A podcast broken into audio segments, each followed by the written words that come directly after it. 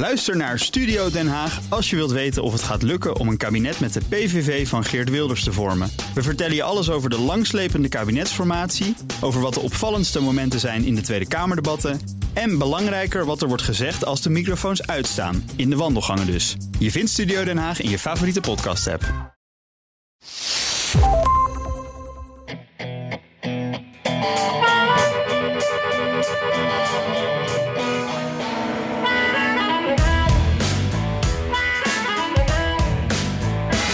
Opnieuw, of nog steeds, is alles Trump wat de klok slaat.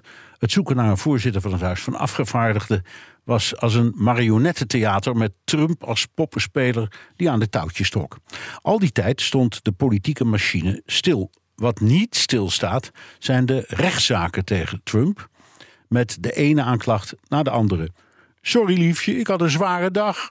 I had a rough day at the office today, darling. I love you very much. Uh, I got indicted. And next week I'll be indicted again. And the following week again. And then again and again and again. Hij ziet zichzelf als een martelaar die straf krijgt vanwege zijn strijd om de vrijheid. Net zoals Nelson Mandela. We don't get scared. I'll tell you what. I don't mind being Nelson Mandela because I'm doing it for a reason. Mandela zat 27 jaar gevangen op Robbe-eiland. Maar goed, dit is aflevering 203 van de Amerika-podcast. Mijn naam is Bernard Hammelburg.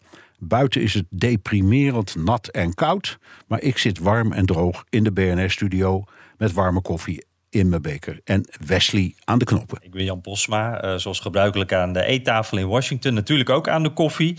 En uh, ja, ik, ik, durf het bijna niet te zeggen, Bernard. Maar ik moest net even het raam dicht doen, want het is een beetje warm uh, buiten. Het is hier heerlijk najaarsweer. we halen vandaag, als het goed is, de 26 graden. Zo, ja, ja ik ben jaloers. Jan. Daar kan je het mee doen. Ja, ja. ja. wat is jouw nieuws van de week? Ja, ik, ik, ik, uh, um, ik ben de, deze week naar een film geweest. Moet ik toch even met je over hebben, want ik vond het een fantastische film. Um, Killers of the Flower Moon. Uh, de nieuwste van uh, Martin Scorsese. Een lange zit, zeg ik meteen maar even. We waren allebei heel enthousiast ook over Oppenheimer. Ik weet niet meer hoe lang die was, maar, maar dit is ja, nog weer langer. Drieënhalf uur. Ja, drie, die was drie, ja, zegt Wesley. Ja, precies. Ja. Dus uh, nou, daar, moesten ze nog even overheen gaan.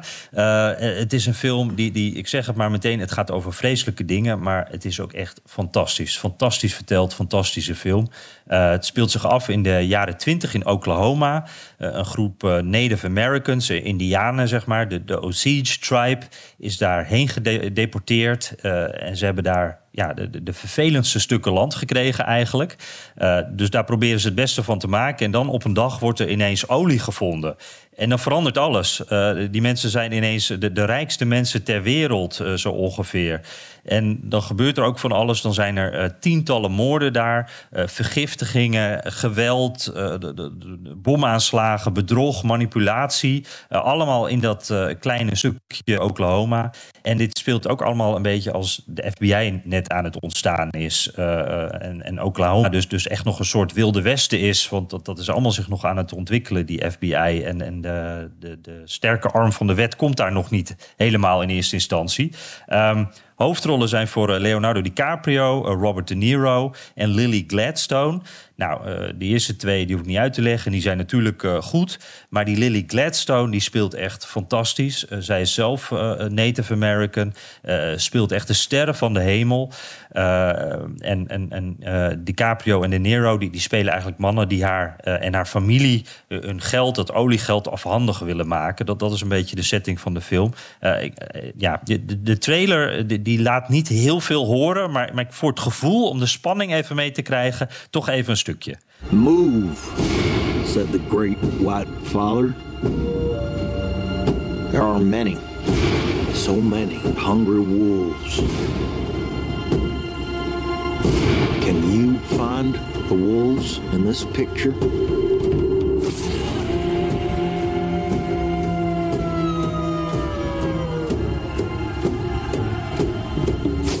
Uh, die, die, wolven, dat, nou, dat kan je wel raden. Dat, dat zijn uh, DiCaprio en uh, De Niro. Um, ik keek echt uh, lang uit naar deze film. En dat heb ik normaal gesproken eigenlijk niet zo. Meestal komt de film uit en dan moet ik door iemand anders gewaarschuwd worden dat er wat aan zit te komen. Maar uh, deze zomer was ik in uh, Tulsa. En toen was ik bij het Black Wall Street Museum daar. Um, en daar interviewde ik iemand over hoe de Tulsa Massacre nog steeds heel controversieel is daar in bijvoorbeeld de lokale politiek en ook in het onderwijs. Tulsa had een hele rijke zwarte buurt en in de jaren twintig, dus dezelfde periode, is daar een enorm ja, rassenrellen kan je het niet noemen, want het is meer een soort ja, het is helemaal met de grond gelijk gemaakt door, door een, een ja, een bende blanken uh, die, die, het daar niet mee eens waren. Die, uh, nou, dat was echt een racistische uh, moord, massamoord eigenlijk. En dat verhaal dat stond heel lang niet in de geschiedenisboeken. toen is er een museum gekomen. Het, was een beetje, ja, het wordt steeds meer verteld. het jubileum, de herdenking werd ook, ook groter gevierd. En nu is dat dus weer controversieel. En die man die zei toen, ja, en dan komt ook nog die nieuwe Scorsese-film eraan, waarbij juist het verhaal van de Native Americans wordt verteld. En wat ook een verhaal is wat jarenlang niet in die geschiedenisboekjes heeft gestaan. En ja, dus ik denk heel goed dat dit verhaal verteld wordt. En de manier waarop is ook echt fantastisch, Bernard. Want uh, ja, mijn gevoel was, ik, werd een beetje subtiel in slaap gezust over de hoofdpersonen. Want die zijn heel vriendelijk, Robert De Niro en uh, Leonardo DiCaprio. Maar ondertussen moorden ze erop los. En, en, je ziet soms, ja, zo, het geweld is vreselijk, maar je ziet op subtiele manier ook hoe een leven weinig waard is in die tijd. En in Indianenleven, Native American helemaal. En als je dan een vrouw bent, nou, dan hoeft het niet eens over te hebben. Um, er was bijvoorbeeld een scène waarbij een man vertelt over hoe hij moorde uh, voor een rechtbank. En dat is allemaal geen probleem. Uh, hij vertelt het allemaal zonder blik of bloos, heel zakelijk. Maar dan wordt hem gevraagd: ja, u komt nog vaak terug op die plek. Waarom is dat? En dat vindt hij dan heel gênant. En dat blijkt omdat hij eigenlijk niet wil toegeven dat hij daar vaak komt om nog even alcohol te drinken. Uh, uh, want dat is een plek waar je niet goed gezien wordt. En dat vindt hij dus gênant. Maar een moord, ja, dat vindt hij helemaal niet erg. Ja. Nou, dat echt ja. allemaal van dat soort hele pijnlijke, mooie scènes. Ik heb um, jaren geleden in Oklahoma ook een reportage gemaakt over Native Americans. Die, die zichzelf toen gewoon nog Indians noemde hoor, trouwens. Maar goed, dat, uh, dat terzijde. Ja. Um, en um, ik herinnerde me hoe ongelooflijk troosteloos het er allemaal uitzag. In uh, nou ja, de plekken waar die mensen wonen. Uh, en hoe ongelooflijk het drankprobleem is, inderdaad. En ook dat, ik weet niet of het nog zo is, maar Oklahoma was een droge staat. Dus je kon daar nog niet een café binnen en een borreltje of een glas bier bestellen. Want dat werd niet geschonken, tenzij je lid werd van de club van dat uh, restaurant of café. Dat kostte dan een dollar of twee dollar, weet ik wat. Dan kreeg je een, een, een, een soort kaartje dat je lid was. En als lid mocht je wel drinken. Dus dat was de truc die ja, ze gebruikten. dat was de besloten club geworden. was een besloten club geworden. Is dat nog zo? Is het nog steeds een droge staat of niet meer? Nee, nee. Ik kon in, in Tulsa in ieder geval, daar werd uh, gewoon bier geschonken en daar was het allemaal geen probleem. Het is nee. misschien op, op county niveau nog wel anders. Het zou best kunnen dat, hoor. Uh, maar in afval, ja. het, het, viel mij toen op. En, uh, maar wel mooi. Ja, nou ja, ja, maar als ik al die vreselijke droefenis zag daar in die Indiaanse dorpen, dan begreep ik ook wel dat ze daar voorzichtig mee probeert te zijn. Maar goed, ik krijg het toch niet. Je, verbieden heeft geen zin. Maar goed, uh, nee, zei nee, Jan, we moeten, we moeten even een klein sprongetje maken van 100 jaar, zo ongeveer precies. Hè? Ja. Uh, want die film speelde zich een eeuw geleden af. En uh, dan komen we in het heden van Washington. Want we moeten het natuurlijk hebben over wat we zo langzamerhand de nationale speakershow kunnen noemen. De wekenlange strijd tussen de gematigde vleugels van de Republikeinse fractie in het Huis van Afgevaardigden. en de ultrarechtse Freedom Caucus. Die uit maar twintig leden bestaat of zo. Maar die in een politieke burgeroorlog is verwikkeld met ongeveer 200 andere fractieleden. En ze konden het maar niet eens worden over de keuze van een voorzitter van het huis. Die hadden ze in de persoon van Kevin McCarthy, maar die werd weggestemd omdat hij een deal had gesloten met Democraten over het vermijden van een shutdown. Hij was een van de marionetten van Trump, maar gestraft als verrader. Want een deal sluiten met de Democraten, ja, dat was verraad. En toen, Jan. Ja, ja, na dit verhaal van allemaal uh, uh, chaos, al wordt het een verhaal met uh, meer chaos eigenlijk. En veel dolksteken. Dat is misschien de overeenkomst met die film. Um, we hebben een waslijst aan kandidaten gehad. Uh, Jim Jordan, Steve Scalise, uh, Tom McHenry... of McHenry en, en, Tom Emmer als laatste... die soms dichtbij kwamen maar het uiteindelijk allemaal niet haalden, omdat die partij zo verdeeld is en omdat er nogal uh, ruzie is intern. En, en ja, je noemde al, al Trump als uh, marionette. Uh, man, nou, die, speelde eigenlijk als een soort poppenspeler steeds een rol hierin. soms was een kandidaat niet Genoeg voor, voor die Freedom Caucus, voor die Trump-vleugel. En soms was de kandidaat juist te Trumpistisch voor de rest van de fractie. En uh, ik denk dat Trumps invloed uh, duidelijkst te zien was bij Tom Emmer. Zeg maar de ene laatste kandidaat, of, of, de laatste mislukte kandidaat, kan je zeggen. Um, die had al de interne stemming van de Republikeinen gewonnen. een twintigtal tegenstanders wilden nog niet op hem stemmen in het huis. Dus de, de echte stemming, daar moest hij nog even die mensen voor overtuigen. Um, terwijl hij in een zaaltje zat en daarmee bezig was, dus heel hard aan het werk was om dat voor elkaar te krijgen. Toen deed Trump zijn duim naar beneden via uh, zijn eigen Truth Social. Uh, zei: Deze man moet het niet worden, dit is een rhino. En toen was het over en moest hij zich terugtrekken. Dus Ja, als, ja, als ja. Trump beslist, Ja. ja. dan word je het niet. Ja, en even, eh, een rhino is Republican in name only. Hè? Ja, precies. Ja, Ja, ja, klopt. Dus een Ja, nep-republikein. en toen stond plotseling Mike Johnson op. En deze grote onbekende werd het. Waarom hij, Jan? Ja, ik, ik, heb daar veel over na zitten denken. Want het, het is best wel gek dat deze, ineens, eh, de- deze naam ineens zo uit de hoge hoed eh, komt. Ik denk echt dat hij even de juiste man was op het juiste moment. Er is heel veel persoonlijk gekonkel geweest. Veel intrige, veel ruzie de afgelopen drie weken. Eh, we hebben echt op een bepaald moment, hè, met die Jim Jordan... daar waren allerlei partijgenoten waren heel boos op hem. Want eh, eh, het team van eh, Jordan was echt aan het intimideren om mensen maar zover te krijgen dat ze op hem zouden stemmen. Er zijn zelfs mensen die doodsbedreigingen kregen op een bepaald moment vanuit hun thuisstaat, eh, omdat ze niet op een partijgenoot wilden stemmen, maar op een andere partijgenoot. Nou, daar is natuurlijk heel veel eh, pijn en heel veel frustratie zit daar.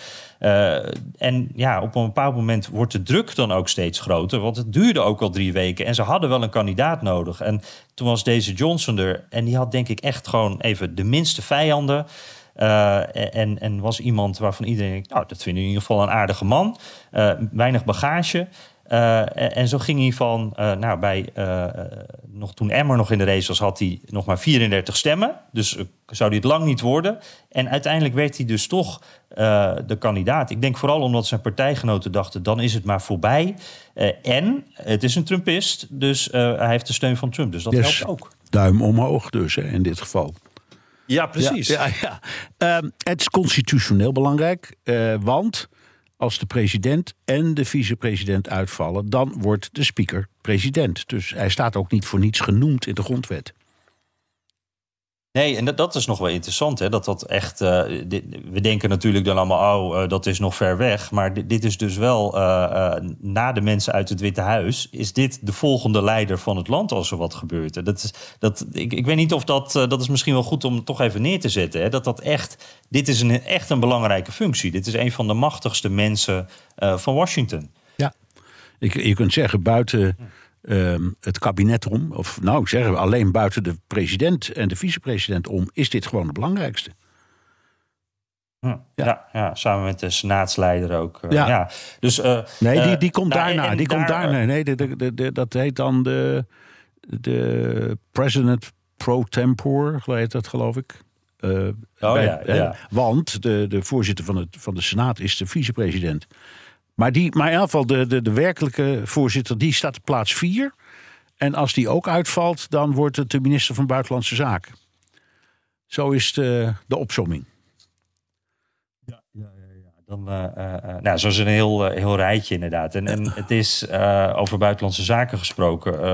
ja, we hebben het dan wat voor gevolg het voor, de, voor Amerika intern heeft. Hè, want er zit een, weer een deadline voor, voor een eh, shutdown aan te komen. eh, wat altijd eh, spannend is tegenwoordig. Dat is elke keer nu spannend. Gaan ze dat lukken? Gaat dat weer lukken? Gaan ze daar weer uitkomen? Dan moeten toch weer compromissen worden gesloten. En ook voor de wereld heeft dit gevolgen. Hè? Want Biden heeft allerlei beloftes gedaan. Die wil meer dan 100 miljard dollar overmaken aan steun voor Israël, Oekraïne, ook voor Taiwan. Daar heeft hij een groot pakket van gemaakt.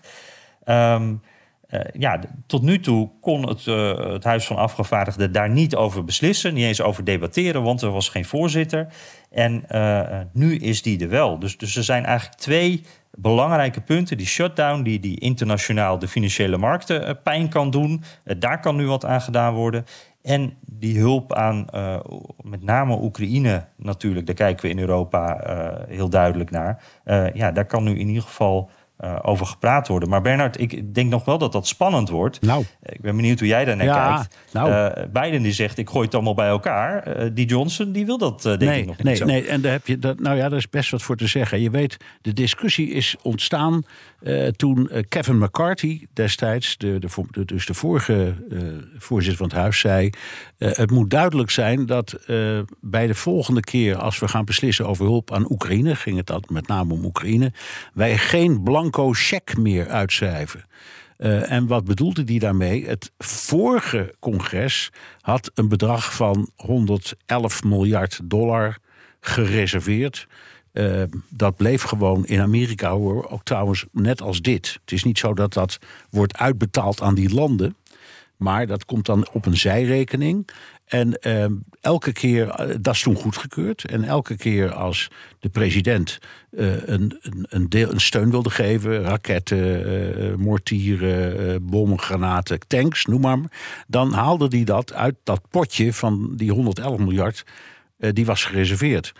En dat noemde Kevin McCarthy, McCarthy en andere republikeinen, die noemden dat een blanco cheque. Dat is het niet. Het is geld dat gewoon blijft staan op een Amerikaanse rekening. Totdat het wordt, en dat heeft, dat heeft Biden heel terecht ook opgemerkt. Totdat het wordt besteed. En dan wordt het besteed bij Amerikaanse bedrijven, namelijk de defensieindustrie. Dus het geld gaat het land niet eens uit. En zorgt voor een hoop werkgelegenheid. Maar dit is nu typisch hoe politiek werkt.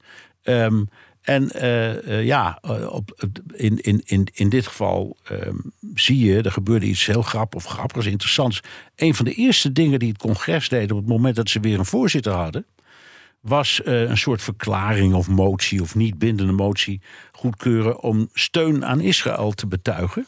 Maar er werd tegelijkertijd bij gezegd, ja, Oekraïne, daar, daar hebben we toch wel bezwaar tegen. Dus dat, en, en ze willen het dus nu doorknippen. 20 miljard voor uh, Israël. Die, gaat, die wordt zonder enig probleem aangenomen. Maar de 80 miljard voor Oekraïne en Taiwan en andere uh, dingen... ja, daar gaan ze een robotje over vechten. Dus het is nog best interessant. En uh, mijn eigen idee, Jan, is dat uiteindelijk... als je gewoon de koppen telt, er voldoende... Republikeinen zijn die samen met de Democraten een meerderheid gaan vormen om dit goed te keuren. He, dus het komt er wel, maar het, het, is nog een, het is even lastig. Denk je dan ook dat Biden's trucje om dit allemaal samen te voegen in één pakket, dat dat ook overleeft? Of dat het wel uiteindelijk verschillende ja, pakketjes worden nou, en dat we dus nog wel vraag. wat strijd zullen hebben over Oekraïne? Met ja, goede vraag. Misschien dat uh, het congres zegt, we willen het uit elkaar rukken. Um, en dan zullen we over die, 100, die 80 miljard voor Oekraïne nog wel eens apart praten. Um, mijn gevoel is dat uh, uh, Biden alles op alles zet om het zo te houden. En dat hij ook de hulp inroept van de Senaat. Uh, waar de Democraten wel een meerderheid hebben. En waar trouwens opmerkelijk weinig verzet is tegen dit plan. Dus misschien dat hij uh, uh, Mitch McConnell, de, de leider van de Republikeinen in de Senaat, vraagt of hij niet eens even kan overleggen met de tegenstanders in het huis. En dat is misschien een, mooi moment voor uh, Mitch McConnell om ook even kennis te maken met deze meneer Johnson. Want volgens mij kennen ze elkaar helemaal niet, toch? Precies. Het, uh, uh, we hadden het er in BNR De Wereld ook al over. Deze man is een onbekende, die Johnson. Ja. ook voor zijn collega's in, in het congres. Ja. Um, wat wat weten we Collins, wel? Wat weten we wel van hem? Ja. Ja, uh, laten we dat, dat eerst maar eens even doen. Ja, hij, nou, hij is een hele duidelijke uh, Trump-kandidaat. Hij zit echt duidelijk aan, aan, in de Trump-vleugel van de Republikeinse Partij. Um, een van de controversiële zaken rond hem is dat hij een van de belangrijkste architecten was van ja, de, zeg maar de opstand tegen het kiescollege. dat, dat, dat, dat, het college dat, dat Bidens overwinning als president bevestigde. Dus hij is een van de zeg maar, juridische bedenkers van het tegenhouden van de verkiezingsuitslag in 2020. Uh, en, en ik moet ook zeggen, hij is niet gematigd geweest of dat dat eventjes zo was. Hij was dat echt voluit, uh, lange tijd, vol overtuiging. Um, er komen steeds meer details naar buiten. Hij is een beetje, net als eh, congreslid, is hij ook in, in dit, deze, dit onderwerp is hij een beetje zo in de luwte gebleven steeds. Maar we horen nu bijvoorbeeld dat hij regelmatig met Trump gebeld heeft, ook in die tijd. Um, dus zo dichtbij, zo belangrijk was hij. En dat zorgt natuurlijk voor vragen. Uh, vooral bij Democraten op dit moment, want die durven dat te zeggen en Republikeinen wat minder. Maar. Um, de vraag is natuurlijk, wat voor gevolgen heeft dat ook voor 2024? Want stel dat we een so soortgelijk scenario gaan krijgen... waarbij Trump een, een uitslag niet erkent. Uh, ja, wat gebeurt er dan als de voorzitter van het huis... Uh, ook aan Trumps kant staat en, en ook uh, die uitslag niet zou her erkennen? Dat, dat is natuurlijk echt een belangrijke vraag. Um, dus dat is uh, de, ja, de, de elephant in the room natuurlijk. Dat is waar het meeste over gesproken en gespeculeerd wordt. Daarnaast weten we dat hij als um, congreslid uh, fiscaal conservatief is. Hij wil veel bezuinigen op Medicaid, Medicare, hulp voor, voor armen, medische hulp voor armen en ouderen. nou, we hebben het al over Oekraïne gehad, dus America First ook duidelijk. En ook wel belangrijke campagneonderwerpen. Hij is heel sterk anti-abortus. En hij wil ook niet het uh, homohuwelijk certificeren. Dat, dat is nog via het Hoge Rechtshof geregeld. Dat zou ook een wet kunnen worden. Hij is daartegen. Um, en ja, dus op die, die sociale onderwerpen zeg maar, is hij ook heel conservatief. ja, heel bijbelvast, zullen we maar zeggen. En uh, uh, ja, dat, dat is eigenlijk de, de, ja. de, Johnson die nu Amerika leert kennen. Ja, maar het rare is, wij, jij en ik hebben natuurlijk allebei zitten kijken naar het moment waarop hij de gavel pakte, hè, de, de voorzittershamer, en een toespraakje hield. En ik dacht, uh, ik wist dit, ik had het allemaal gelezen en we hadden er ook met elkaar over gehad.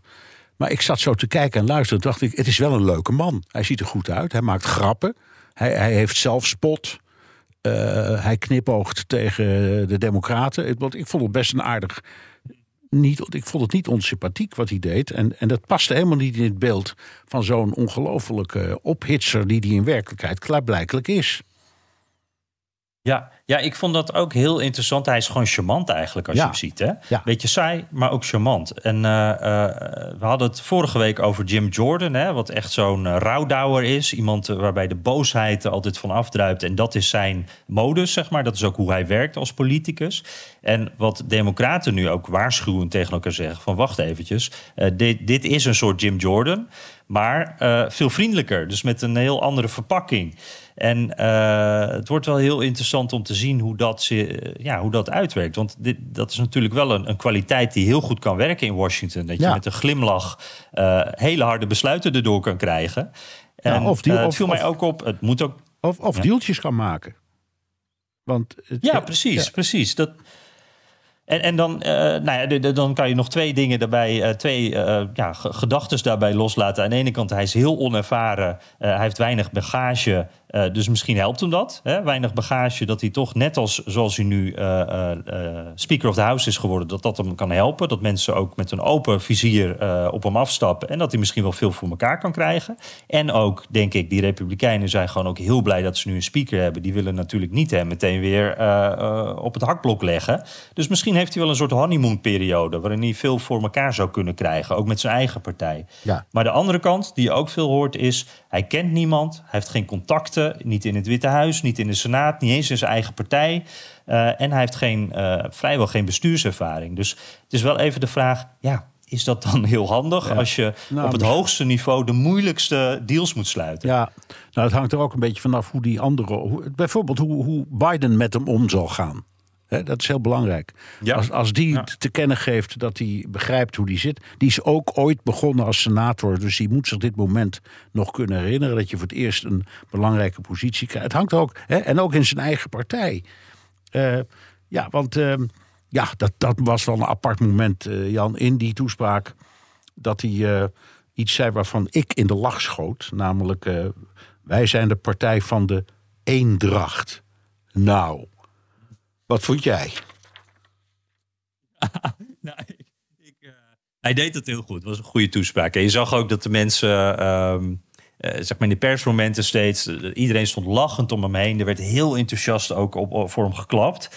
En, en ik vond dat wel af en toe wel wat gênant door Bernhard. Want er er werd ook die Stefanik, die, die, die, die leider van, van de Democraten, of van de Republikeinen, belangrijke Republikein, die. ehm, die, die zat ook steeds van, oh, we hebben dit toch maar mooi voor elkaar gekregen. Kijk eens hoe wij voor, voor de People's House eh, gaan wij nu weer aan het werk. En we willen alleen maar het beste. En het is Joe Biden die de hele tijd eh, alles maar tegenhoudt. Wij willen eh, dit land Right, regeren. Ik dacht, we hebben drie weken lang, hebben jullie het absolute minimum niet kunnen halen. Namelijk een leider kiezen uit jullie eigen partij. Jullie hoefden alleen maar als partij het even eens te worden over wie jullie leider zou worden. Zelfs dat lukte niet. En nu stonden ze allemaal te klappen en te zeggen: hey, wij zijn, we zijn helemaal één, we staan hier allemaal achter. Terwijl er volgens mij intern die scheuring eh, tussen de Trump-vleugel en, en, en de, nou, meer het midden van de partij, die is er nog steeds. En volgens mij is daar echt heel veel pijn, ook, ook naar de afgelopen weken, denk Ja, niet? ja, ja, zeker. Overigens, ik zag een paar keer de, de Democraten meeklappen. Daar, daar zit ik altijd op te letten bij dit soort dingen. Ik weet niet meer precies bij. Ja, op welke momenten. Maar hij zei een paar keer, laten we zeggen, al, dingen in het algemeen belang. Hè. Dit land moet vooruit. Nou ja, zou ik ook meeklappen als zoiets wordt gezegd. Hè? Dus, eh, Ja, precies. Ja, dat is wel nou kinderachtig, toch? Daarmee gaat, nou ja, maar het is altijd het bekende fenomeen dat als, als, als de vijand spreekt, blijf je zitten. Dus de eigen partij, zijn eigen partij klapt en de tegenpartij blijft zitten. Dus ik zit altijd te kijken naar momentjes waarop iedereen klapt en die waren er. Dus, dus misschien dat binnen de Democraten er ook iets is van, nou ja, de, in, de, in de zin van eh voordeel van de twijfel of zoiets dergelijks. Maar hoe dan ook, kun je zeggen, Jan, dat eh, de Republikeinse fractie eh, in het Huis van Afgevaardigden nog trumpiger is geworden. Ja, ik heb dat gevoel wel. Want ehm, we hadden met Kevin McCarthy natuurlijk... eh, jij omschreef dat ook al goed. Dat was ook een, een, een Trump-marionet uiteindelijk. Want die probeerde natuurlijk Trump in zijn kamp te houden. Die probeerde de Trump-vleugel ook in zijn kamp te houden. Daarom moest hij al die afspraken met de Freedom Caucus maken. Waardoor hij uiteindelijk ook zelf heel snel geslachtofferd kon worden. Eh, als maar één iemand het, eh, een stemming eh, zou willen, dan zou dat al gebeuren. Nou, hij is dus precies op die manier aan zijn einde gekomen. Dus je kan zeggen dat is ook al behoorlijk Trumpig. Maar we hebben nu dus iemand die ook echt eh, zelf formeel onderdeel is van eh, die, die Trump-vleugel. Eh, dit is echt Trumps kandidaat. Nou had Trump in de loop van die verkiezing had hij meerdere kandidaten. Hè? Totdat iemand verliest, dan is het ineens niet meer zijn kandidaat. Maar Nee. dit is wel iemand waar hij denk ik heel blij mee is. En ik denk ook echt met het oog op eh, nou, eh, de, de, de, die, die 6 januari-zaak, zeg maar. eh, dat is weer een stukje meer mainstream geworden. Want het is weer, ja, er is nu een van de leiders die ook nog steeds die mening heeft en die ook nog steeds aan die kant staat. En dat heeft, vind ik wel echt die partij weer meer van Trump gemaakt. We hebben weer gezien ook, ehm, nou ja, ik zal niet de hele procedure uitleggen, maar uiteindelijk is het wel dat minderheidje van de Trump-vleugel, die uiteindelijk nu weer eh, geforceerd heeft dat zij een leider hebben waar ze blij mee zijn. Dus ze hebben wel weer hun zin gekregen. Ja, ja, ja, dus Trump bewerkt zijn marionetten echt fantastisch. Dat moeten we echt. Dus een drie, drie jaar na de verkiezingen heeft hij het wat dat betreft ook toch nog aardig in de hand. Ehm, en Ja. eh, moeten we even hebben over die andere marionettenkoertjes die hij ehm, had. Ja, dat was net zo spannend, hè? Ja, de advocaten die hem bijstonden in zijn pogingen om tijdens de presidentsverkiezingen 11.000 uitgebrachte stemmen in de staat Georgia te stelen. Want dan zou niet Biden hebben gewonnen, maar Trump. En eh, daar, daarover loopt in Georgia een proces tegen Trump en een hele zwik, 18 of zo, medeverdachten. Lastig en ingewikkeld. Vonden alle juridische, deskundigen die we daarover hoorden. Want ja, dat is een massazaak, hoe doe je dat? Maar het heeft er alle schijn van dat het wel werkt. Want nu valt de ene na de andere marionet af. Hoe staat het ervoor, Jan? En, en daarbij trouwens ook, die tegenstelling is wel bizar. Hè? Dat je dus uh, op in de week dat in de rechtbank uh, advocaten van Trump zeggen: hé, uh, hey, het was onzin. dit moeten wij nu toegeven onder Ede. Dat ondertussen in het politieke theater dus juist dat oude verhaal wel blijft leven en wel blijft bestaan. Ja, echt, ja, nou, daar kan ik met mijn hoofd bijna niet bij. Nee. maar het was echt een, een, ook daar dus echt een, een onthullende en, en een spannende week. Um, dit gaat dus om belangrijke advocaten van Trump, die, die volgens de aanklager ook in dat grote complot zaten. In die, nou, die RICO-case, dus een soort bende die dat allemaal uh, datzelfde doel nastreefden om die verkiezingen terug uh, te draaien. Um, en in ruil voor strafvermindering, een deeltje, hebben ze toegegeven dat het onzin was. En dat is bijvoorbeeld Sidney Powell. nou, die, die kennen we allemaal van die persconferenties. En die, die had het steeds over release the kraken. Hè? maak het monster los. die informatie dat er fraude was, die zou echt elk moment komen. Het is echt zo. Ze was echt vol overtuiging steeds. Um, nou, die heeft dus nu een deeltje gesloten en toegegeven dat het onzin was. Twee andere advocaten, ook Kenneth Chesbro, die is wat minder prominent in beeld geweest, maar ook belangrijk in het team. En Jenna Ellis. Um, en die herinneren ons ook van die persconferenties. Hè? Die, die, die was de, de rechterhand van Trumps persoonlijke advocaat, Rudy Giuliani. En uh, nou, als Giuliani dan zijn verhaal hield, dan stond zij daar altijd een beetje grijnzend zo achter. En uh, altijd ook vol overtuiging en, en de media aan het aanvallen. En iedereen die haar niet gelooft aan het aanvallen. En uh, nou ja, toen moest ze in de rechtbank deze week dus uh, iets anders zeggen. En bij haar bekentenis en, en, en ook excuses daarna liepen letterlijk de tranen haar over de wangen. I believe in and I value election integrity. If I knew then what I know now, I would have declined to represent Donald Trump in these post-election challenges. I look back on this whole experience with deep remorse. For those failures of mine, Your Honor, I have taken responsibility already before the Colorado bar who censured me. And I now take responsibility before this court and apologize to the people of Georgia. Thank you. Ja, ik, ik, ik keek hier echt wel van op hoor. Dit was ook meteen, uh, CNN heeft dit wel tien keer herhaald uh, die dag. Want er waren beelden, uh, camera's waren erbij. En die, die Jenna Ellis heeft heel lang echt heel overtuigd volgehouden dat het echt uh, fraude was, dat zij het uh, goed had en dat Trump het goed had. En, en even ter illustratie hoe dat dan gaat. Uh, toen haar deeltje naar buiten kwam met justitie, had ze op haar Twitter nog een berichtje vastgezet met een oproep om geld te doneren voor haar fonds. Om tegen de, de corrupte overheid te vechten, de criminele overheid die haar dus aan het aanklagen was. En uh, uh, na deze verklaring was die meteen veranderd en stond er een, een Bijbelvers over de kwade wereld uh, die tegen je kan zijn, maar dat God altijd aan je kant staat. Dus dat is de shift die zij gemaakt heeft. Ja. En ze is ook op andere vlakken nog steeds heel trumperig. Uh, maar tegelijkertijd dus ook heel gefrustreerd over Trump. En uh, ja, het wordt super interessant om te zien sowieso wie er nog meer gaan volgen. Er zijn nu media die melden dat er met nog meer mensen uh, gesprekken zijn om een deal te sluiten. Die dus ook willen getuigen tegen de medeverdachten, waarvan Trump er natuurlijk eentje is. En ja, dus je ziet dan al die domino-stenen gaan. En tegelijkertijd, Bernard, uh, ik, ik denk nog ook elke keer van ja, we weten ook nog niet of die grootste domino-steen ook wankelt. We, we weten niet of Trump ook uh, hier, je zou zeggen van wel, is ook een van de medeverdachten, maar we weten niet of hij hierdoor ook in de problemen gaat komen in nee, deze zaak. Dus nee. dat blijft wel spannend. Ja, ja. Hey, en dan nog, en hoe staat het met die andere zaak? Ehm, dus de, de, de Mar-a-Lago kwestie met die gestolen documenten en de 6 januari koepoging? Ja, um, dus de, de zaak Jack Smith, zeg maar. Ja, um, ja ook daar uh, zien we een, uh, een dominootje of een marionet uh, vallen. Um, uh, Mark Meadows, hè, Trumps laatste stafchef uh, in het Witte Huis, die dus ook tijdens 6 januari uh, de stafchef was en, en ja, altijd contact heeft gehad met Trump en natuurlijk een van de belangrijkste mannen in zijn omgeving is geweest. ABC en ook wel andere media melden dat inmiddels dat hij drie keer met de aanklager heeft gesproken. ook in aanwezigheid van de onderzoeksjury. Dus onder Ede heeft hij gesproken. En uh, volgens die berichten heeft hij uh, immuniteit gekregen. Immuniteit van strafvervolging. Dus ook een deal gesloten. En een van de nou, een paar dingetjes die dan naar buiten komen, is dat hij echt ook wel wist dat die verhalen over stemfraude, hè, waar Trump het steeds over had, dat dat echt onzin was. Dat er geen bewijs voor was. Dat die Trump dat ook meerdere malen heeft verteld. En eh, hij zei ook van ja, ook zelfs dat op, op verkiezingsnacht begon Trump er al mee. En zelfs toen, toen was het ook gewoon al onzin. Hij wist gewoon dat dat niet klopte.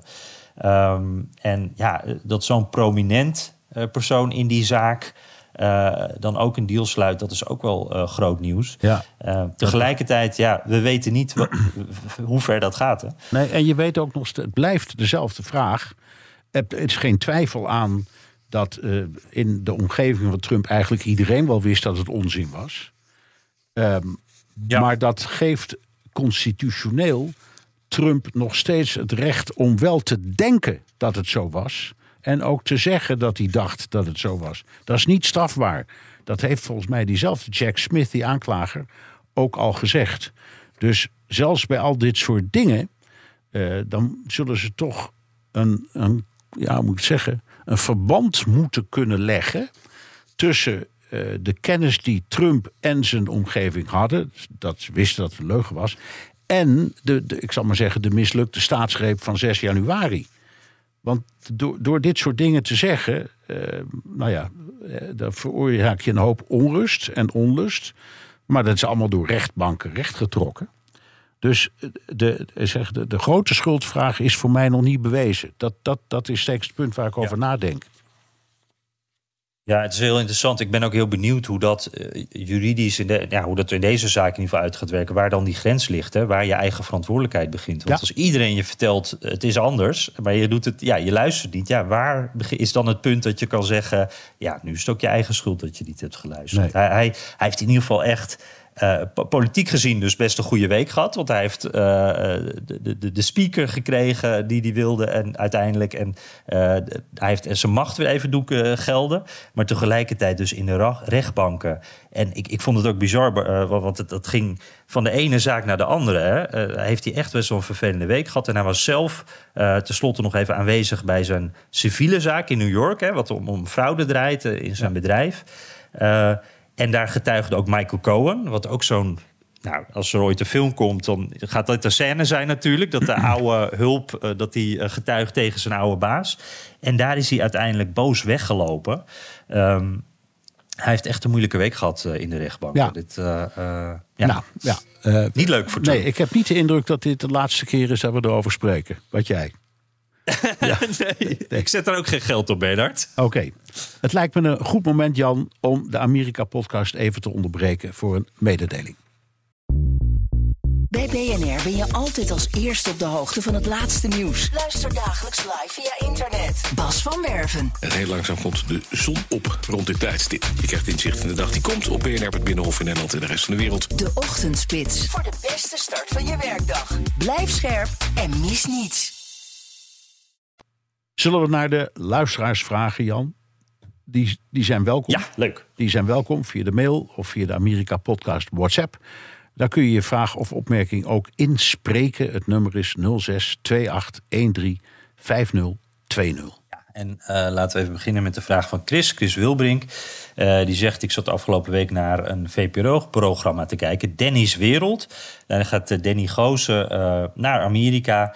En deze aflevering ging over mensen die een zedendelict hebben gepleegd. Ik heb deze aflevering zelf niet gezien, maar volgens mij ging dat ook over Florida. Waar je dan bijvoorbeeld ook niet binnen zoveel meter van een school of, van een kinderdagverblijf of wat dan ook mag wonen. En waar mensen dan uiteindelijk onder een brug terechtkomen. Om, want dat is dan de enige plek in zo'n gemeente waar je, waar je kan zitten zonder dat je de regels overtreedt. Maar in ieder geval, um, het, het verbaasde mij hoe deze mensen voor de rest van hun leven, in alle facetten van hun leven, door de overheid gebrandmerkt zijn als sexual predator. Ja. Um, het staat in hun rijbewijs. Uh, ze, ze, moeten het melden als ze ergens een woning willen uh, huren.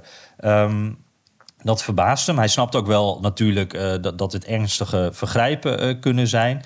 Maar uh, ja, dat dit kan in de land of the free. En dan vraagt zich dan ook af, zijn er nog meer misdaden in Amerika... waarbij je op deze manier ja, voor het leven eigenlijk zo behandeld wordt? Um, dat weet ik niet zeker, maar um, pedofilie is wel in de ogen van Amerikanen... zo ongeveer het allerergste wat er is. Um, en de, de, de argumentatie hiervan, maar dat is ook precies hetzelfde als het feit dat in Amerika bij arrestaties en rechtszaken de naam van de verdachte voluit bekend wordt gemaakt. Omdat de Amerikanen zeggen anders is het censuur. Dus in Nederland werken we hier met een afgekorte naam. Maar dat, eh, of alleen de initialen, maar dat doen ze dus in Amerika niet. Uh, en de, de, die pedofilie, valt eigenlijk in dezelfde categorie. Mensen zeggen: ik, weet, ik wil weten wie er in mijn buurt wonen of komen wonen. En, dat, en als dat iemand, als dat een, een, een pedofiel is, dan wil ik dat weten. En dan heb ik hem eigenlijk liever niet in mijn omgeving. Dat zit erachter. Uh, over het juridisch draagvlak heb ik, daar heb ik, ik heb geen verstand. Het is Amerikaans recht. Het verschilt per staat. Het is niet overal zo. En ik weet niet hoe het verdeeld is over die staten. Maar het, het bestaat inderdaad. En met als, nogmaals als argument dat mensen willen zeggen: ik wil weten wie er wordt verdacht. Want ja, uh, dat kan ook iemand zijn waar ik mee te maken krijg of heb gehad. En ik wil weten dat als een, iemand die wegens zoiets vreselijks veroordeeld is, dat hij bij mij in de straat komt wonen, want dan ga ik een stokje versteken. Ja, ja. En, en ja, ik heb ook het gevoel dat, dat pedofilie is daar wel een, een uitzondering op. Want je kan volgens mij uh, een moord plegen en dan hoef je dit allemaal niet te doen. Dus het, uh, ja, nee, nee dat weet ik niet. Maar, nee, maar dat heb ik nog niet geprobeerd. Maar oké. Okay. nog geen moord. Uh, nee, nee, gelukkig. Houden zo, houden zo. Oké, okay, ja. Ik denk de koffie uh, achter de tralies is vast minder lekker dan uh, in, in, in, Zo is het, ja. Hey, uh, ja, Tekla die vraagt zich dan af. ja, een vorige aflevering kwam een telefoongesprek kwam voorbij van Biden met Sisi, Egypte dus. En Tekla vraagt zich af, hoe gaat zo'n gesprek? wordt er dan even vriendelijk over en weer gepraat, over het weer? En nou, ik kan me voorstellen dat Joe Biden wel iemand is die even vraagt van... hey, hoe gaat het met je kleinkinderen of zo, of met je vrouw. Uh, maar komen ze dan to the point? Hoe Ik, werkt dat nou, in precies? Het, in het algemeen hebben Amerikanen de neiging om bij belangrijke besprekingen meteen ter zake te komen. Dus dat hoeft niet speciaal de president te zijn. Ja. Geldt bijvoorbeeld ook voor sollicitaties. Dus uh, als ik bij jou kom solliciteren en jij bent de chef die daarover moet beslissen. Uh, dan, uh, roep je, ga, dan vraag, bied je me geen koffie aan. Je vraagt niet hoe de reis was. Je komt meteen ter zake en zegt: Oké, we gaan over jouw baan praten. Vertel maar, waarom wil je hier komen werken? Boem, meteen. En ik denk eerlijk gezegd dat die stijl op dat niveau, dus uh, staatshoofd tot staatshoofd, ook wordt toegepast. Dat wil niet zeggen, je hebt natuurlijk de regels van de beleefdheid. En, en, en uh, Biden weet heel goed dat in de Arabische wereld beleefdheid een ongelofelijke belangrijke rol speelt in de communicatie. Dus daar ben je altijd, je gebruikt wel 40 of 50 keer uh, in een conversatie uh, uh, woorden om aan te geven dat je respect hebt en dat je het een eer vindt om dit te kunnen bespreken en dat je blij bent dat, je, dat de ander zo fijn meedenkt. Maar het gaat echt, ik denk dat het echt gewoon zakelijk is hoor. want ja, nogmaals, de Amerikaanse cultuur zegt: geef de andere kant de gelegenheid om zo snel mogelijk zijn verhaal te vertellen. Ja, dus niet uh, bij wijze van spreken een kopje koffie, meteen to the point en, uh, ja. en gaan. Ja, bovendien, dit was, dit was, dan, ik... ja, dit was telefonisch. Maar goed, maakt niet uit hoor.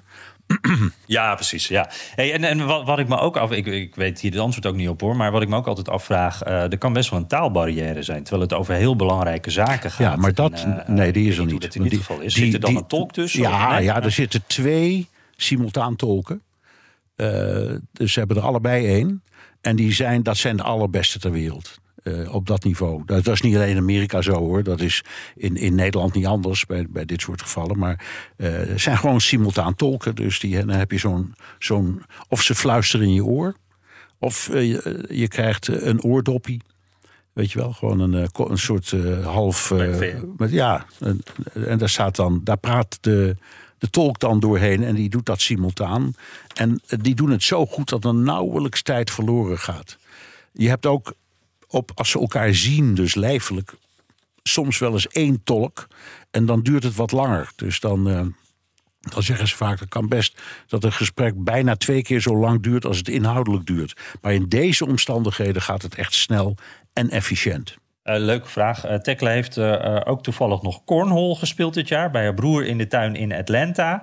daar hadden we het ook vorige keer over, hè, over gekke Amerikaanse sporten en spelletjes. Um, en ze is naar Atlanta United geweest om daar te gaan tailgaten, voetbalwedstrijd. En dan komen we eigenlijk als ging het vanzelf bij Nino Bauma uit. Want die is de afgelopen zes maanden in New York geweest voor zijn werk. En is een groot sportliefhebber. Is naar veel sportwedstrijden geweest. En nou, hij zegt van terwijl in Nederland bij Ajax Feyenoord gestaakt moet worden vanwege hooligans en vuurwerk op het veld. allemaal dat soort gedoe. ga ik naar een wedstrijd American Football. New York Jets en de New England Patriots. En iedereen loopt daar door elkaar, de fans. Er is wel rivaliteit, maar er is helemaal geen ruzie. Iedereen zit door elkaar. Uh, zijn helemaal geen opstootjes. Hoe denken jullie dat het komt dat het hooliganisme in de VS niet echt bestaat zoals in Europa of zoals in Zuid-Amerika? Nou, nou, er zit heel verhaal achter, eh, maar ik noem een paar dingen. In de eerste plaats.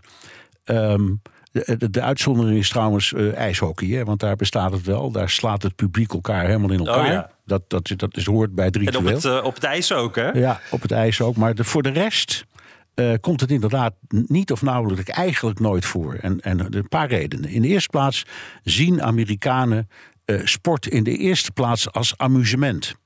Dus je gaat met je gezin naar een wedstrijd op dezelfde manier als je naar de film zou gaan, of naar het theater, of naar iets anders, uh, naar, naar de dierentuin. Dus het is amusement. Je betaalt, het is ontzettend duur. Een kaartje voor een stadion vind ik ontzettend duur in, in Amerika. Dus als je met je gezin gaat, dan, dan ben je een hoop geld kwijt. Um, je wordt ook verwend. Je zit heel ruim. Die stoelen daar zijn enorm ruim. Dus je zit niet tegen elkaar aangedrukt, maar echt ja, heel chic, zal ik maar zeggen. Er komen voortdurend eh, mensen langs met met hotdogs en met, uh, en met drankjes en weet ik wat allemaal. Je kunt ook gewoon een biertje drinken, is toegestaan in het stadion. Um, dat is één. Hè? Dus het is de manier waarop ze naar kijken. In de tweede plaats, je hebt in, uh, in Amerikaanse sporten geen divisies. En zoals je bij ons in het voetbal hebt. Dus er is maar één divisie, daar zit alles in. Dat neemt ook veel weg. Um, in de derde plaats uh, hebben Amerikanen, we zijn wel enorm nationalistisch, maar het gevoel van America first of American first, dat overheerst. Dus het zijn wel al, er zit wel rivaliteit, enorme rivaliteit. Uh, maar ja, we denken zelf, we zijn allemaal Amerikanen en het is maar een spelletje en we genieten ervan, maar dat is het. Um, en er zijn ook nog uh, andere factoren die een rol spelen. Ik noem het, het honkbal bijvoorbeeld, een heel mooi voorbeeld. Want in een competitie in een jaar zitten 162 wedstrijden. Uh, die kun je nooit allemaal winnen. Dat bestaat niet. Dus, dus die competitie is leuk. En ik weet niet precies hoeveel wedstrijden er in voetbal zitten. Maar dat zijn er ongetwijfeld ook meer dan wij bijvoorbeeld in onze voetbalcompetitie hebben. Dus er zijn veel meer wedstrijden. Uh, ja, je kan een keer verliezen, je kan een keer winnen. En het is ook allemaal niet zo verschrikkelijk belangrijk. Dus ze hebben een heel andere emotie. Naar een sportwedstrijd gaan en dat bijwonen is een feest en een feestje. En, en je gaat ook rustig zitten naast iemand van de tegenpartij. En daar eh, eet je lekker een knakworstje allebei. En dan, en dan eh, juich je of je maakt elkaar een beetje belachelijk. Roepen, jongen, die, die jongens van jou kunnen er weer niks van. Maar daar blijft het dan bij. Het is nooit kwaadaardig. Altijd je, je ziet Amerika eigenlijk op zijn best in het stadion. En, en nog even over die divisies. Ze hebben wel regio-indelingen en allerlei dat soort dingen natuurlijk. Maar ik denk ook wat je bedoelt, het, het degraderen, zoals we, wat wij dan in de eredivisie hebben. Uh, dat is vaak niet een uh, ding. Hè? Dat, nee hoor. Dat is, het is vaak anders geregeld. Ja, ja, ja. en ze hebben ook allerlei andere trucs. Hè. Je hebt het, het, het, het transferseizoen. Dus dat is een bepaalde periode, dan mag je kopen, spelers kopen. En dan mag degene die het slechtst, het team dat het slechtst staat in de competitie als eerste bieden. Uh, dus het systeem voorziet er ook in dat uh, de slechtere teams ook kans krijgen om door hun aankopen weer wat beter ervoor te komen staan. Um, is nog er zijn nog wel meer dingen hoor. De meeste uh, Amerikaanse sportteams zijn eigendom van iemand. En die, de meeste, dat zijn vaak echt enthousiasten en die reageren met strakke hand en die benoemen uh, de coach, de training, de, de verzorging, ga zo maar op. Dus er zit helemaal geen ruimte tussen. Um, en uh, ook dat maakt het simpeler. Dus ik, ik vind de Amerikaanse sport goed georganiseerd en daardoor ook prettig. Ja, ik vind het wel mooi wat jij noemt de, de, de draft. Als ze die spelers inderdaad verdelen, Ja. dat is bijna een soort. Dat vind ik zo on-Amerikaans. In, in Europa gaat het gewoon om het meeste geld bij het voetbal. Hè. Hoe meer je biedt, hoe meer miljoenen, dan krijg je wie je wil. En eh, in Amerika hebben ze bijna een soort socialistisch systeem waarbij de zwakste ja. dus als eerste mag kiezen. Ja. Dat is toch fantastisch? Ja, dat is ook fantastisch. Maar die, de zwakste masters van de andere eh, clubs de beste speler weghalen. Hey, eh, laten we afsluiten met Angelique Dalderup. Die heeft een hele serieuze vraag. Die zegt van ja, de laatste tijd heel veel oorlogsnieuws natuurlijk. Met al die oorlogen om ons heen vroeg ik me af... wanneer kunnen we het echt over een wereldoorlog hebben? Poeh. Eh, Nou ja, Dat, is- dat, is- kijk, Voetbal is oorlog, maar dit is een andere categorie. Ja, de- Rinus Michels zei dat, hè? Eh, nee, nou, eh, ehm, het is heel lastig. Kijk, de definitie is dat echt een groot deel van de wereld dan meevecht. En de- we hebben er twee gehad, de eerste en de tweede. En toen was dat ook zo. Dan kun je zeggen dat heel Azië en Afrika en eh, Europa eh, eh, waren, en, de Verenigde Staten waren allemaal betrokken in zo'n conflict. Dan is het echt een wereldoorlog. Ehm, wat we nu zien is, het heeft, we zijn er wel bang voor, maar het, het heeft niet de elementen van een wereldoorlog. Hè. Wij leveren wel wapens aan een land dat we sympathiek vinden en waarvan we hopen dat het een oorlog wint tegen een ander land. Dit is Oekraïne tegen Rusland, maar dat is het dan. Ehm, de, de kwestie in Israël is ietsje ingewikkelder en misschien ook wel iets gevaarlijker. Omdat daar die hele eh, Arabische wereld, maar ook de islamitische wereld, ik zeg het met opzet zo, want Turkije en Iran zijn geen Arabische landen, maar wel islamitische landen en heel machtig. Maar tussen die landen zijn ook allerlei spanningen en die komen altijd boven als er tussen Israël en de Palestijnen bijvoorbeeld, of eh, Gaza, zo'n conflict uitbreekt. Eh, dus dat, dat is, de, kans dat daar een soort van explosie komt, is iets groter. Ik zelf denk dat dat wel mee zal vallen, maar ik begrijp de vraag. En eh, eh, Monique is echt, of Angelique is echt niet de enige die hem stelt. Deze vraag horen we voortdurend om ons heen. Ik weet, bij jou, ik weet niet hoe het bij jou is, maar bij mij wel. Ik krijg hem echt dagelijks. Ja, ja, nee, inderdaad. Eh, ja, iedereen eh, kijkt er toch angstig naar natuurlijk. Zoveel eh, dingen die tegelijk gebeuren. En ja, zoveel eh, bloed vergieten. Dat is zeker hier ook onderwerp van gesprek. hey, eh, Bernard, ja, het is niet de meest vrolijke eindnoot, maar wel een belangrijke. Zullen we hem hiermee afronden? Ja. Terugluisteren kan via de BNR-site, Apple Podcast of Spotify. Heb je vragen, opmerkingen, kritiek of complimenten? Dan kan het ook met een tweet naar Jan Posma USA of BNR De Wereld of heel ouderwets met een mailtje naar dewereld.bnr.nl. En je kunt je vragen ook inspreken of intikken op de Amerika Podcast WhatsApp 06 28 13 5020. Zet zoals altijd je naam en adres er even bij. Dan krijg je misschien wel die fantastische klassieke eh, Amerika podcast mok. Ehm, er wordt op dit moment ergens eh, met de hand eh, wordt het nieuwe logo op eh, honderden nieuwe mokken gezet. Zodat we die allemaal weer kunnen weggeven. Dus stay tuned daarvoor. En nou, Amerika heeft er een speaker, Bernard. We zijn niet meer stuurloos. Dus dat biedt vast weer genoeg stof voor volgende week om over te praten. Dus ik zou zeggen tot volgende week. Oké, tot volgende week Jan.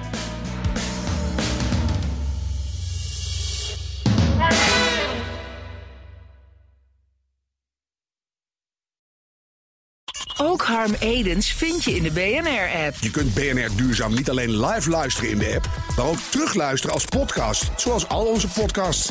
En naast dat de BNR-app Breaking News meldt, houden we je ook op de hoogte van het laatste zakelijke nieuws. Download nu de gratis BNR-app en blijf scherp.